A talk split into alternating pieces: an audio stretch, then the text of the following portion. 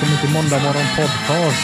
Mitt namn är Henrik Hansen och detta är den 4 september 2023.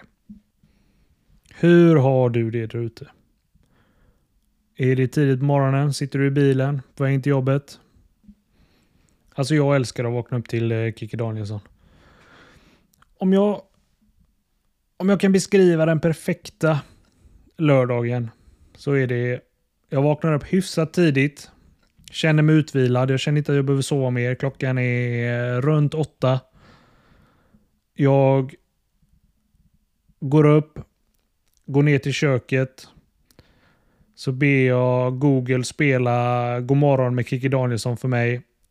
Och då börjar jag brygga kaffe och göra ordning min morgon. Hon är fan en jävla drottning alltså.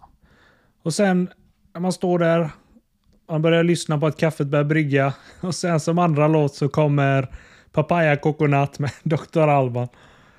Alltså då kan man inget annat än att le. Det, det gör som bra morgon. Ofta så sover ju Sara när jag går upp. Men så drar jag igång Kikki Danielsson på alla högtalare, även den som jag har i sovrummet. Vi har ju fem eh, Google Home-delar hemma.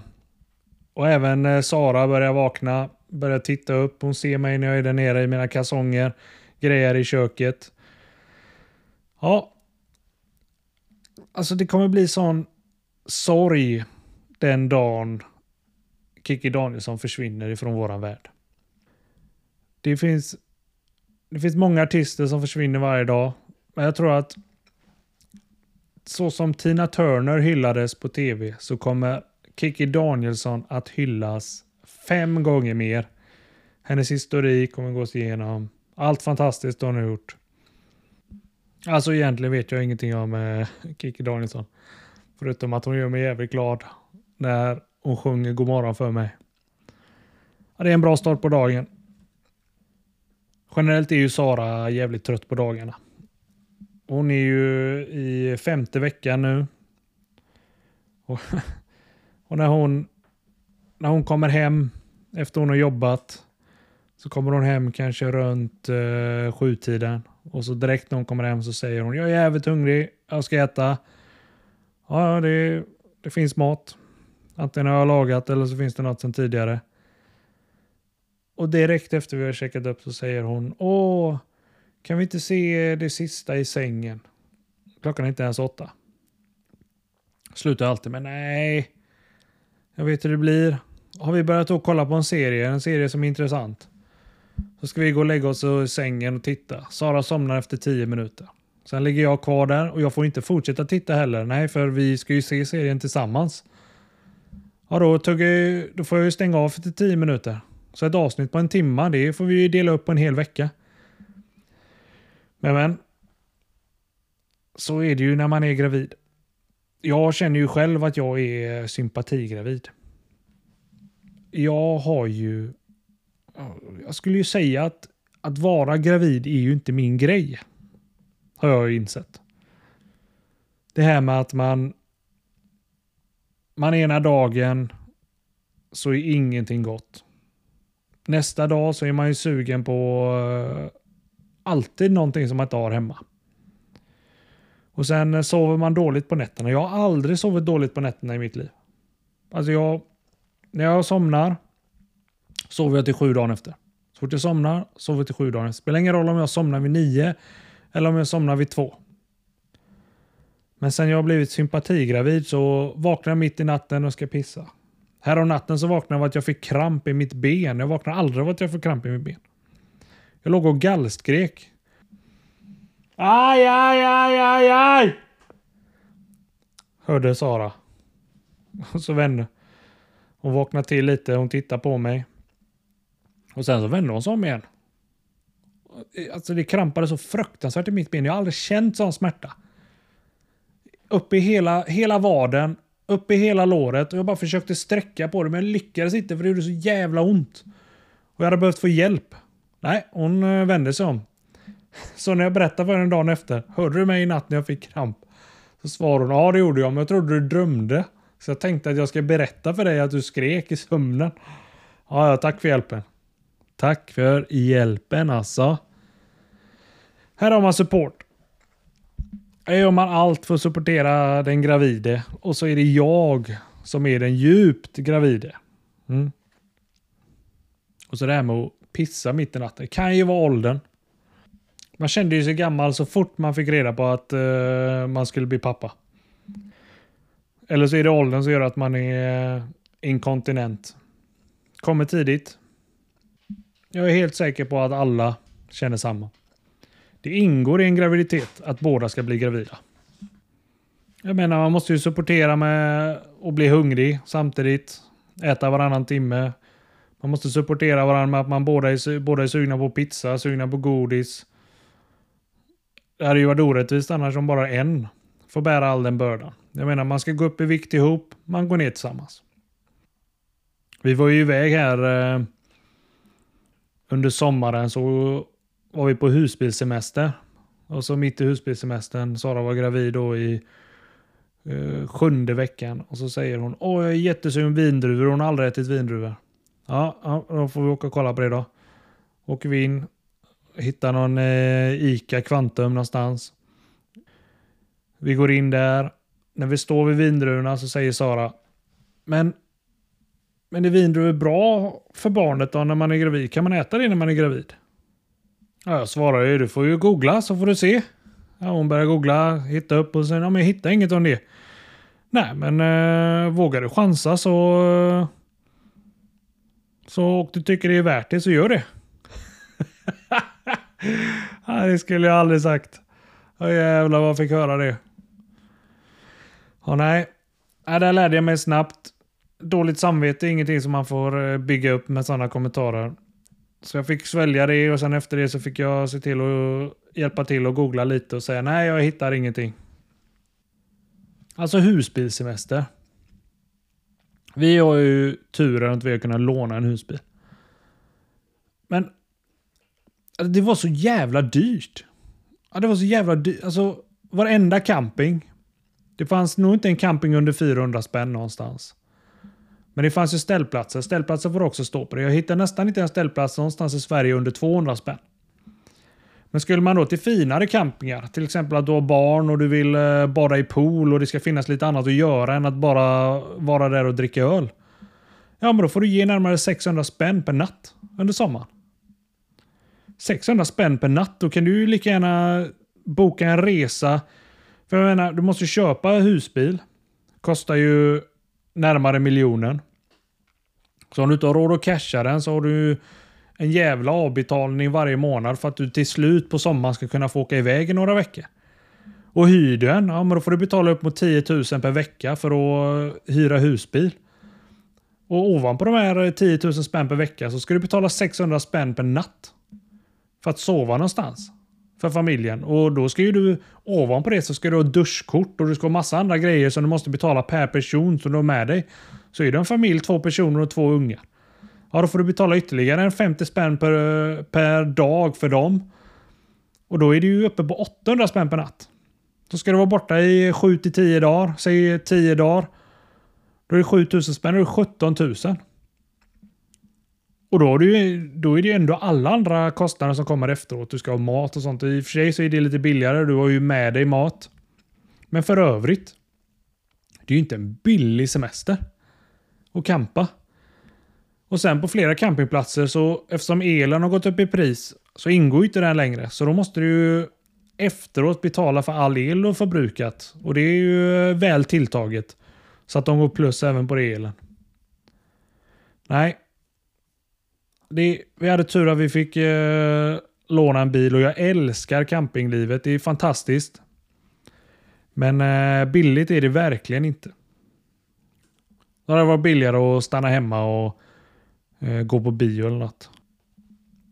Alltså det är ju faktiskt september. Hösten är ju här. Alla löven på träden har börjat bli gula. Det, det tråkiga är att det inte känns som sommar överhuvudtaget. Det är ju det är fantastiskt väder nu för att börja gå på bio. alltså bio i, bio i Sverige är värdelöst. Värdelöst! Om man Går man på bio i Sverige så går man dit. Man går in, står i köer som vanligt. Det gör du ju i alla länder. Sen när du väl kommer fram ska du köpa din biljett. Det finns flera olika biljetter att välja på. Eller så har du bokat online. Och då antingen vanliga sits kostar typ 160 spänn. Och då är det en stel jävla stol. Du sitter helt rakt i ryggen. Det är knappt avslappnande. Och du börjar få ont i ryggen efter en stund och du vill bara typ gå därifrån. Betalar du extra så kan du få sitta på några guldplatser. Typ 30-40 spänn mer. Då kan du sträcka på benen. Men du sitter ju fortfarande inte bättre. Och sen så kan du betala för VIP. Kostar 270-300 spänn. Då får du en skön stol. Alltså då får du en skön stol. Så pass skön att det är lika med att sitta hemma. Så för 140-160 spänn då betalar du för att gå dit och sitta obekvämt. När du sitter mycket bättre hemma. Och då i det här VIP-priset, ja men vad ingår då? Jo, en liten cola och en liten popcorn. Det, det är ju ingenting för 270 spänn. Jag har varit på bio i Danmark, jag var på bio i Nederländerna, jag har varit på bio många gånger, jag har varit över i USA, jag har varit på bio i princip i alla länder, även i Indien. Var jag än går på bio, i alla andra länder, ja, men då är det stora amerikanska biosäten. Du kan fälla fram för benen, du kan luta sätet bakåt. Det är liksom en stor läderfåtölj som du sitter i. Och när du går fram och ska beställa dricka, ja men då är det inte bara en eh, 50 centiliters eller en 33 centiliter du beställer. Nej, då köper du för fan en liter. En hel jävla hink dricka. Helt fantastiskt. Popcorn liksom. Det är så stor popcorn så du måste hålla den i två händer. Och så får du ta oändligt med smör och all annan skit och hälla på. Det är svingott. Istället för det lilla i Sverige. Betala så jävla mycket pengar för att gå på bio här i Sverige. Det är, alltså inte undra på att ingen går dit. I, och så när jag var i Danmark här nu sist så kollade jag priserna där. Jo men går du då dagtid eller lite andra tider då, då det ändå inte är fullt. Ja men då är det halva priset. Då kanske bion kostade 80 spänn. Istället för eh, 140. Och det är ju också ett sätt att fylla upp. Då förstår jag att de biosalongerna de går ju runt. Men biosalongerna här i Sverige, det kan ju fan inte gå runt. Det är, fan, det är riktigt, riktigt värdelöst. De har ändå börjat fatta grejen lite med den nya kolamaskinen. Även om det är en liten kola du får ur. Så, så kan du välja mellan alla typer av eh, Coca-Colas produkter, olika Fantorna. Men sen kan du också välja vilken smak ovanpå den smaken du vill ha. Så om du tar Sprite och så kan du få Sprite Vanilla i maskinen. Jag tror det är upp till en 150 olika smaker du kan välja. Så du kan välja en som jag gillar väldigt mycket. Det är Sprite Peach. En sån här grej gör ju att bioupplevelsen blir lite eh, mer bio. För att du kan få någonting som du ändå inte kan få någon annanstans. Men att betala 160 spänn, sitta stel och rak i ryggen, du får ont i hela kroppen, benen somnar. Det är ungefär som att sitta på en toalettstol. Och så, sitter du och dricker en liten jävla dricka som är slut innan halva filmen är slut. Och nej. Nej, det finns annat att göra. Lägg pengarna på annat. Det är bättre om man sitter hemma i sin soffa. Man har ändå en stor tv hemma ju. Man har en god soffa. Man eh, går in på Apple eller någon annan tjänst och så hyr man filmen där. Det är, ju, det är billigare och du sitter bättre. Och så går du... Eller så har du redan Netflix eller massa andra filmer. Men det är något speciellt du vill se. Ja, men då får man betala för det hemma. Och då kan du hellre lägga alla pengarna på lite god mat, lägga pengarna på eh, godis och dricka. Ja.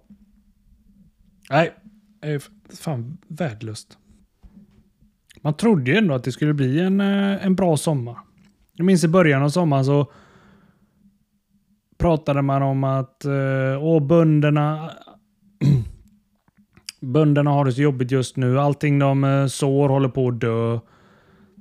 Alla åkermarker håller på att torka ut. Och så säger de att det här kommer bli värre än 2018. Och då tänker man, ja det är ju inte bra. Nu får vi ju hoppas på lite regn. Bönderna grät ju i tv. De var tvungna att slakta korna för att eh, de inte hade någon mat att ge till korna. Och sen så kom det här jävla regnet. Hela jävla sommaren har regnat bort. Men nu finns det ingen mer tid att gnälla över det. Nu är det september. Jag fyller år i september. September är den bästa månaden. Nej, nej, nej det är det inte. Det är generellt en jävligt tråkig månad. Den bästa månaden är snarare, skulle jag säga, februari kanske. Ja, februari. Jag älskar ju snö. Februari generellt här vi bor har vi snö hela tiden under februari. Det är 30 dagar, 20 cm snö på marken. Det är fantastisk natur, kul att vara ute och gå med vovven. Min vovve Walter, finsk lapphund. Det måste vi prata mer om. Oavsett, det, jag fyller år snart. Jag har bokat hotell till oss. Jag ringde och bokade Sankt Jörgens spa. Så vi ska åka på spa. Och det ska bli så jävla härligt. Sedan man skaffar hund så har man ju inte... Alltså hund för oss är våran familjemedlem. Vi, eh, vi värdesätter Walter lika högt som vi värdesätter eh, alla våra familjemedlemmar och eh, alla våra vänner. Så sedan vi skaffade hund så har ju hela vårt liv förändrats när det kommer till vi bokar inte utlandssemester på samma sätt. Vi har inte varit utomlands en enda gång. Tillsammans. Sedan vi fick Walter. Vi, eh, varenda gång man bokar restaurang så ringer man före och kollar så att man får ta med hunden. Varje gång vi bokar hotell så ser vi till att det blir ett rum där man får ha med hunden. Det... Men jag, jag ser inte livet på något annat sätt. Alltså, det, det är bara så härligt. Så härligt och så roligt att ha hund. Så om, är du ingen hundmänniska, du har inte skaffat någon hund än. Då, då kan jag verkligen rekommendera att göra det. Det här avsnittet är sponsrad av Skaffa Hund. Mm. Så jag kommer alltid prata gött om hund. Jag är djurmänniska, jag har alltid älskat alla djur. Men just kärleken som man har tillsammans med sin hund det här med att man, var, spelar ingen roll om du varit ute i tio minuter eller om du varit borta i eh, fyra timmar eller om hunden har varit med Sara på jobbet och de kommer hem och jag är hemma. Han blir så himla glad när han känner doften av att jag är hemma. Han hör att jag är hemma. Han springer fram till mig, börjar pipa och, av glädje och bara vill mysa och bli kelad. Och sen går vi på promenad och bara där varje gång man vaknar så hoppar en vovve upp i sängen och myser lite med en. När man går och lägger sig på kvällen så får man 10 minuter gos innan Walter ska gå ner och lägga sig på golvet. Eftersom vi har en finsk lapphund så sover han inte i sängen för han har ju så himla mycket päls. Han blir ju rätt varm.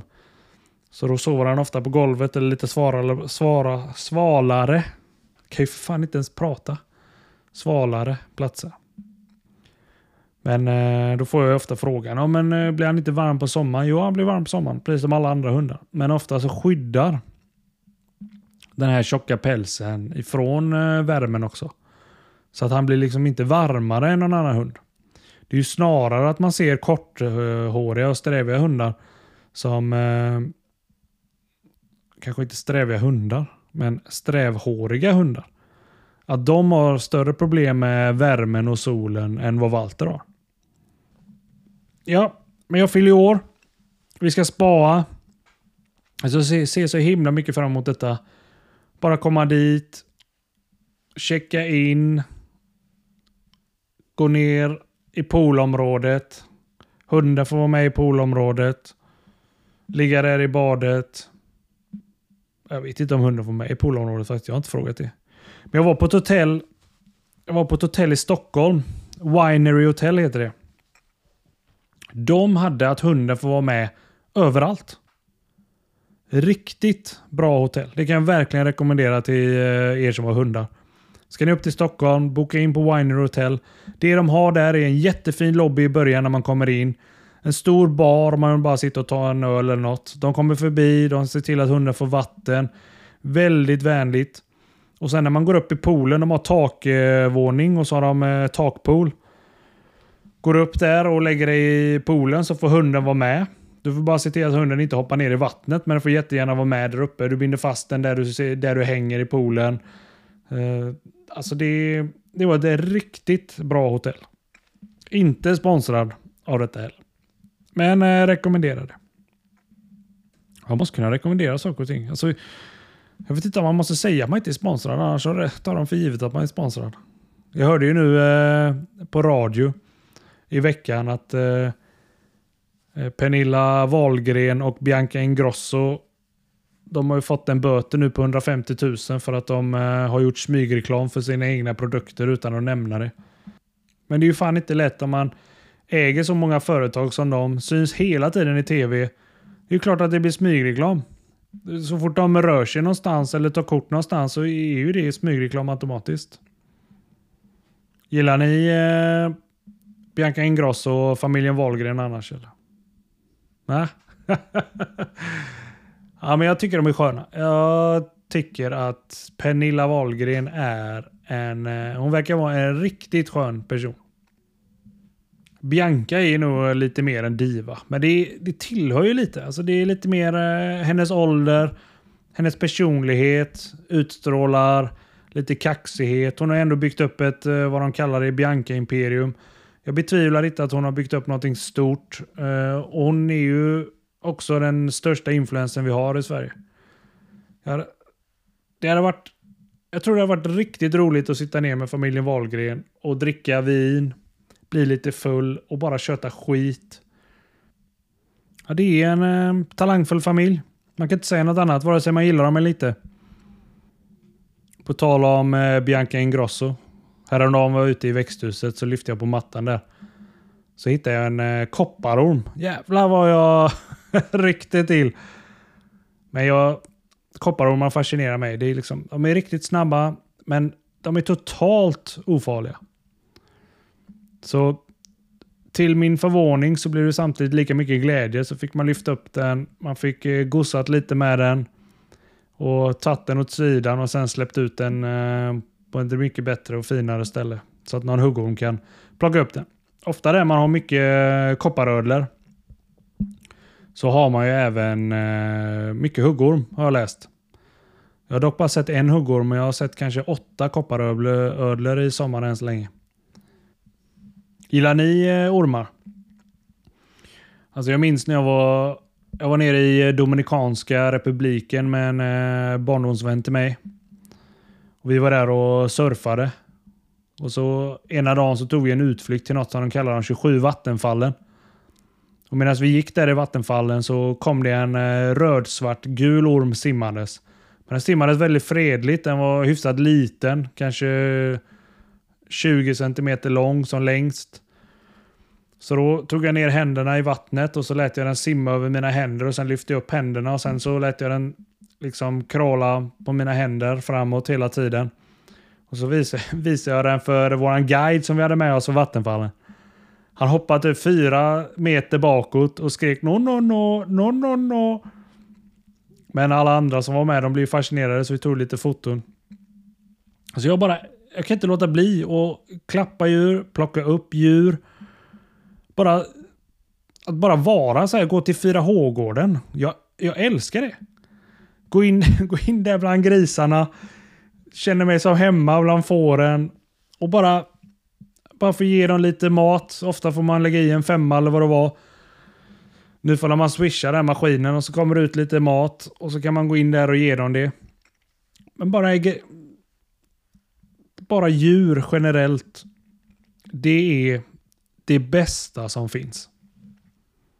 Alltså den här kärleken till naturen och djuren som jag har. Det gör också att man uppskattar människor som Greta Thunberg. Alltså hon, hon är ett väldebatterat ämne. Eh, otroligt känsligt. Eh, många som inte gillar henne. Nästan rent ut sagt hatar henne. Men hon har ändå hon har lyckats få upp klimatet på tapeten och det är ju ändå den största frågan idag. Spelar ingen roll om det finns eh, hat ute i världen och krig. Men ingenting av det spelar någon roll om ändå jorden går under av någon härdsmälta för att eh, temperaturen stiger med 5-10 grader. Så fort det kommer över en viss grad så kommer ju jorden automatiskt att eh, smälta. Och då tycker man att det är så härligt med folk som lyckas få upp diskussionen på bordet syns i media, irriterar de här stora bolagen som känner att de har möjlighet att tjäna lite mer pengar innan jorden går under, även om deras pengar inte kommer vara värda något. Nej, så är det. Livet. Livet med djur. Jag har haft turen att vara uppväxt med djur. Jag har haft eh, dansmöss, jag har haft råttor, jag har haft eh, marsvin, katter, kaniner, undulater, hundar. Jag har haft alla djur. Alltid tagit bra hand om dem. Alltid älskat livet med djur. Men det finns en grej som är helt värdelöst med djur. Det här, det här är det värsta med att ha djur. Och jag tror att högst på den här värsta kategorin, där kommer hundar. Och det är att när de dör så är det en otroligt stor sorg. Och när det kommer till hundar som är så kära, liksom det är ju det är ju en ovillkorlig kärlek som de ger tillbaka. Det spelar ingen roll om du har en bra dag, dålig dag, vad du än gör. Om du, om du har hinder i livet, om du sitter och kollar på tv i sträck i sex timmar. De älskar dig. De är alltid med dig. Och det tror jag är att... Här, och det tror jag gör att när väl hunden går bort så är det nog en större sorg än om man förlorar nära och kära. Alltså i familjen. Sin mamma, sin pappa. Jag har ju inga föräldrar kvar. Och ingen mormor och morfar kvar heller. Eh, den äldsta som är kvar i min släkt är ju min moster. Jag är väldigt avundsjuk på många andra människor, eh, speciellt i min ålder, för de har ju fortfarande sina föräldrar kvar. Men mina föräldrar gick bort tidigt. Efter 20 års åldern och jag kom ut i arbetslivet så började mina föräldrar att bli dåliga och gick bort. Och det har ju varit en stor sorg i sig. Så när min far gick bort i eh, en lång tids eh, sjukdom, då var man ändå förberedd på detta. Alltså man, man fick eh, man fick träffa sin far eh, så mycket man ville under en lång period. Men han hamnade ju ändå på ett hem de sista fyra år, tre åren i sitt liv. Och jag kom dit på helgerna, jag kom dit på vardagarna om jag kunde. Man märkte att han blev sakta dålig. Han blev sämre och sämre över tid. Eh, och i slut, till slut så gick det ju väldigt, väldigt snabbt. Från att han ena dagen var, gick omkring och vi pratade och hade det bra. Så satt han i rullstol till nästa gång jag kom. Nästa gång jag kom igen så kunde han inte prata längre i rullstolen. Och nästa gång jag kom igen så var han helt eh, sängliggandes. Och sen strax efter så gick han ju bort. Men med min mor så gick allting mycket snabbare. Det, eh, jag fick ett samtal från eh, min mors granne att eh, min mor var där och hon ville ha hjälp med att ringa mig. Och mor sa att hon eh, mådde dåligt och hon yrade omkring och massa olika saker. Vi ringde ambulansen. Ambulansen tog med henne till sjukhuset. Hon, hon hade då fått vad läkaren sa dödsångest. För min mor hade cancer och visste att hon Eh, inte kommer finnas kvar så länge. Så det hade satt sig på huvudet. Inte cancern i sig. Men själva sjukdomen och alla de här mörka tankarna över en längre tid. Så till slut så fick hon dödsångest och blev snurrig. Hon hamnade på sjukhuset och där var hon bara en månad tills hon gick bort. Det var otroligt tungt. Att, att se någon som man, man var hemma hos henne och firade jul och hon lagade all mat som hon brukar göra. Och, och allting var helt som vanligt. Till att bara några månader senare få det här samtalet att hon är snurrig. Kommer in på sjukhuset och så fort hon nådde sjukhuset så blev hon dålig och dog. Och jag har nog fortfarande inte accepterat det riktigt. Det är ändå många, många år sedan nu. Men varje gång jag tänker på det så tar det ju väldigt hårt på mig. För man, man kunde inte göra någonting, man kunde inte hjälpa till. Men Men också att man inte kan förstå det. Man, och man får ingen bra förklaring från någon. Alltså säga att någon får dödsångest. Jo, men man kan ju ha ångest och må dåligt och det kan vara massa konstiga grejer. Men vad är det som gör att man blir så snurrig och man helt plötsligt tappar förmågan? Hon har ju stickat hela hennes liv. Jag vet att hon hade med sina stickverktyg dit till, eh, eh, till sjukhuset. Men att hon inte kunde, hon kunde liksom inte ta upp dem, hon kunde inte sticka längre. Liksom det, den förmågan har försvunnit också i allt detta. Och sen till slut efter bara någon veck, några veckor så blev hon helt sängliggandes. Sen gick hon bort. Så jag jag var ju med i princip när båda mina föräldrar gick bort. Jag såg också mina föräldrar när de hade gått bort. De låg där i sängen. Och det måste jag säga var på något sätt inte tungt längre. Alltså den stora sorgen kom, den stora sorgen kom senare. Men det jobbiga med att hon var dålig, det var liksom där och då. Men så fort hon hade gått bort, och jag vet att jag kom in till min, eh, jag började, det var min far först, jag gick in till min far. Min mor levde fortfarande då.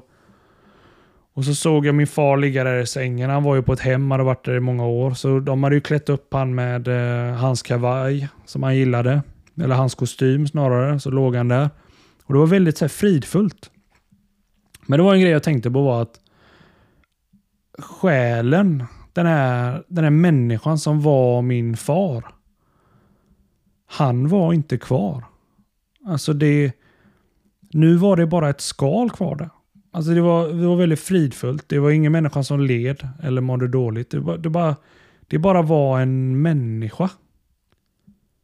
Och jag vet att när jag såg min far, han låg där. Jag blev inte ledsen överhuvudtaget. Jag fick inga tårar. Jag kände, jag kände ingen sorg jag kände någon slags lättnad av att min far har gått vidare nu. Min far var ju kristen, trodde på Gud. Jag själv är inte eh, kristen, jag är ateist, jag tror inte på någon gud. Men väldigt intresserad. Men, men jag kände i den stunden så kände jag han har kommit till himlen. Han har han var en otroligt fin människa. Eh, ald, aldrig aldrig varken högljudd eller arg. Och kanske till och med lite konflikträdd på det sättet att han, han tog hellre hand om människor och ville, ville dem väl och lämna diskussionen väl än något annat. Och, och få se han ligga där och känna att ja, men själen har lämnat. Det, det var bara en frid. Och exakt samma känsla fick jag. Det var ju jobbigare när mor gick bort för att det gick så abrupt. Men att när man kom in där och man fick se sin mor ligga i sjukhussängen. Hon, det var ju inte hennes hem, så hon hade ju inte... Hon var ju inte uppklädd på något fint sätt. Men det var ändå, det var ändå fridfullt att få se att här ligger en människa som inte lider längre. Här, här, ligger, här ligger bara en kropp kvar. Och det som var min mor. Och jag vet att min mors önskan och henne, bland hennes sista ord var så här att eh, hon, hon, vill träffa sina katter i himlen. För hon hade fortfarande sina katter kvar där. Och när mor hade försvunnit så vet jag att jag tänkte så här, nu är hon, nu är hon uppe i himlen och får träffa sina gamla djur. För när, och det, det är också någonting fascinerande som vi pratade om innan. att Den här stora kärleken som jag kan känna till djur visar sig också nu eftersom vi har haft djur i vår familj hela vårt liv. Och det fanns många, många djur nära min mor hela hennes liv.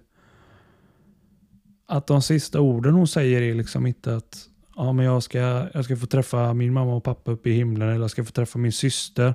För hennes syster hade gått bort ett gäng år innan. Utan att hon säger att hon, hon ska få träffa sina katter i himlen. Ja, det här var... Det var en annan vändning på det här avsnittet än eh, vad jag trodde. Eh, så blir det när man poddar. Man pratar från hjärtat. Men eh, jag tror nog jag kommer avsluta det där för idag. Men så jag har precis kollat upp en eh, låt med eh, Kiki Danielsson som blir avslutet på eh, denna podden. Tack för mig. Och för att du eh, har lyssnat. Ha en bra måndag.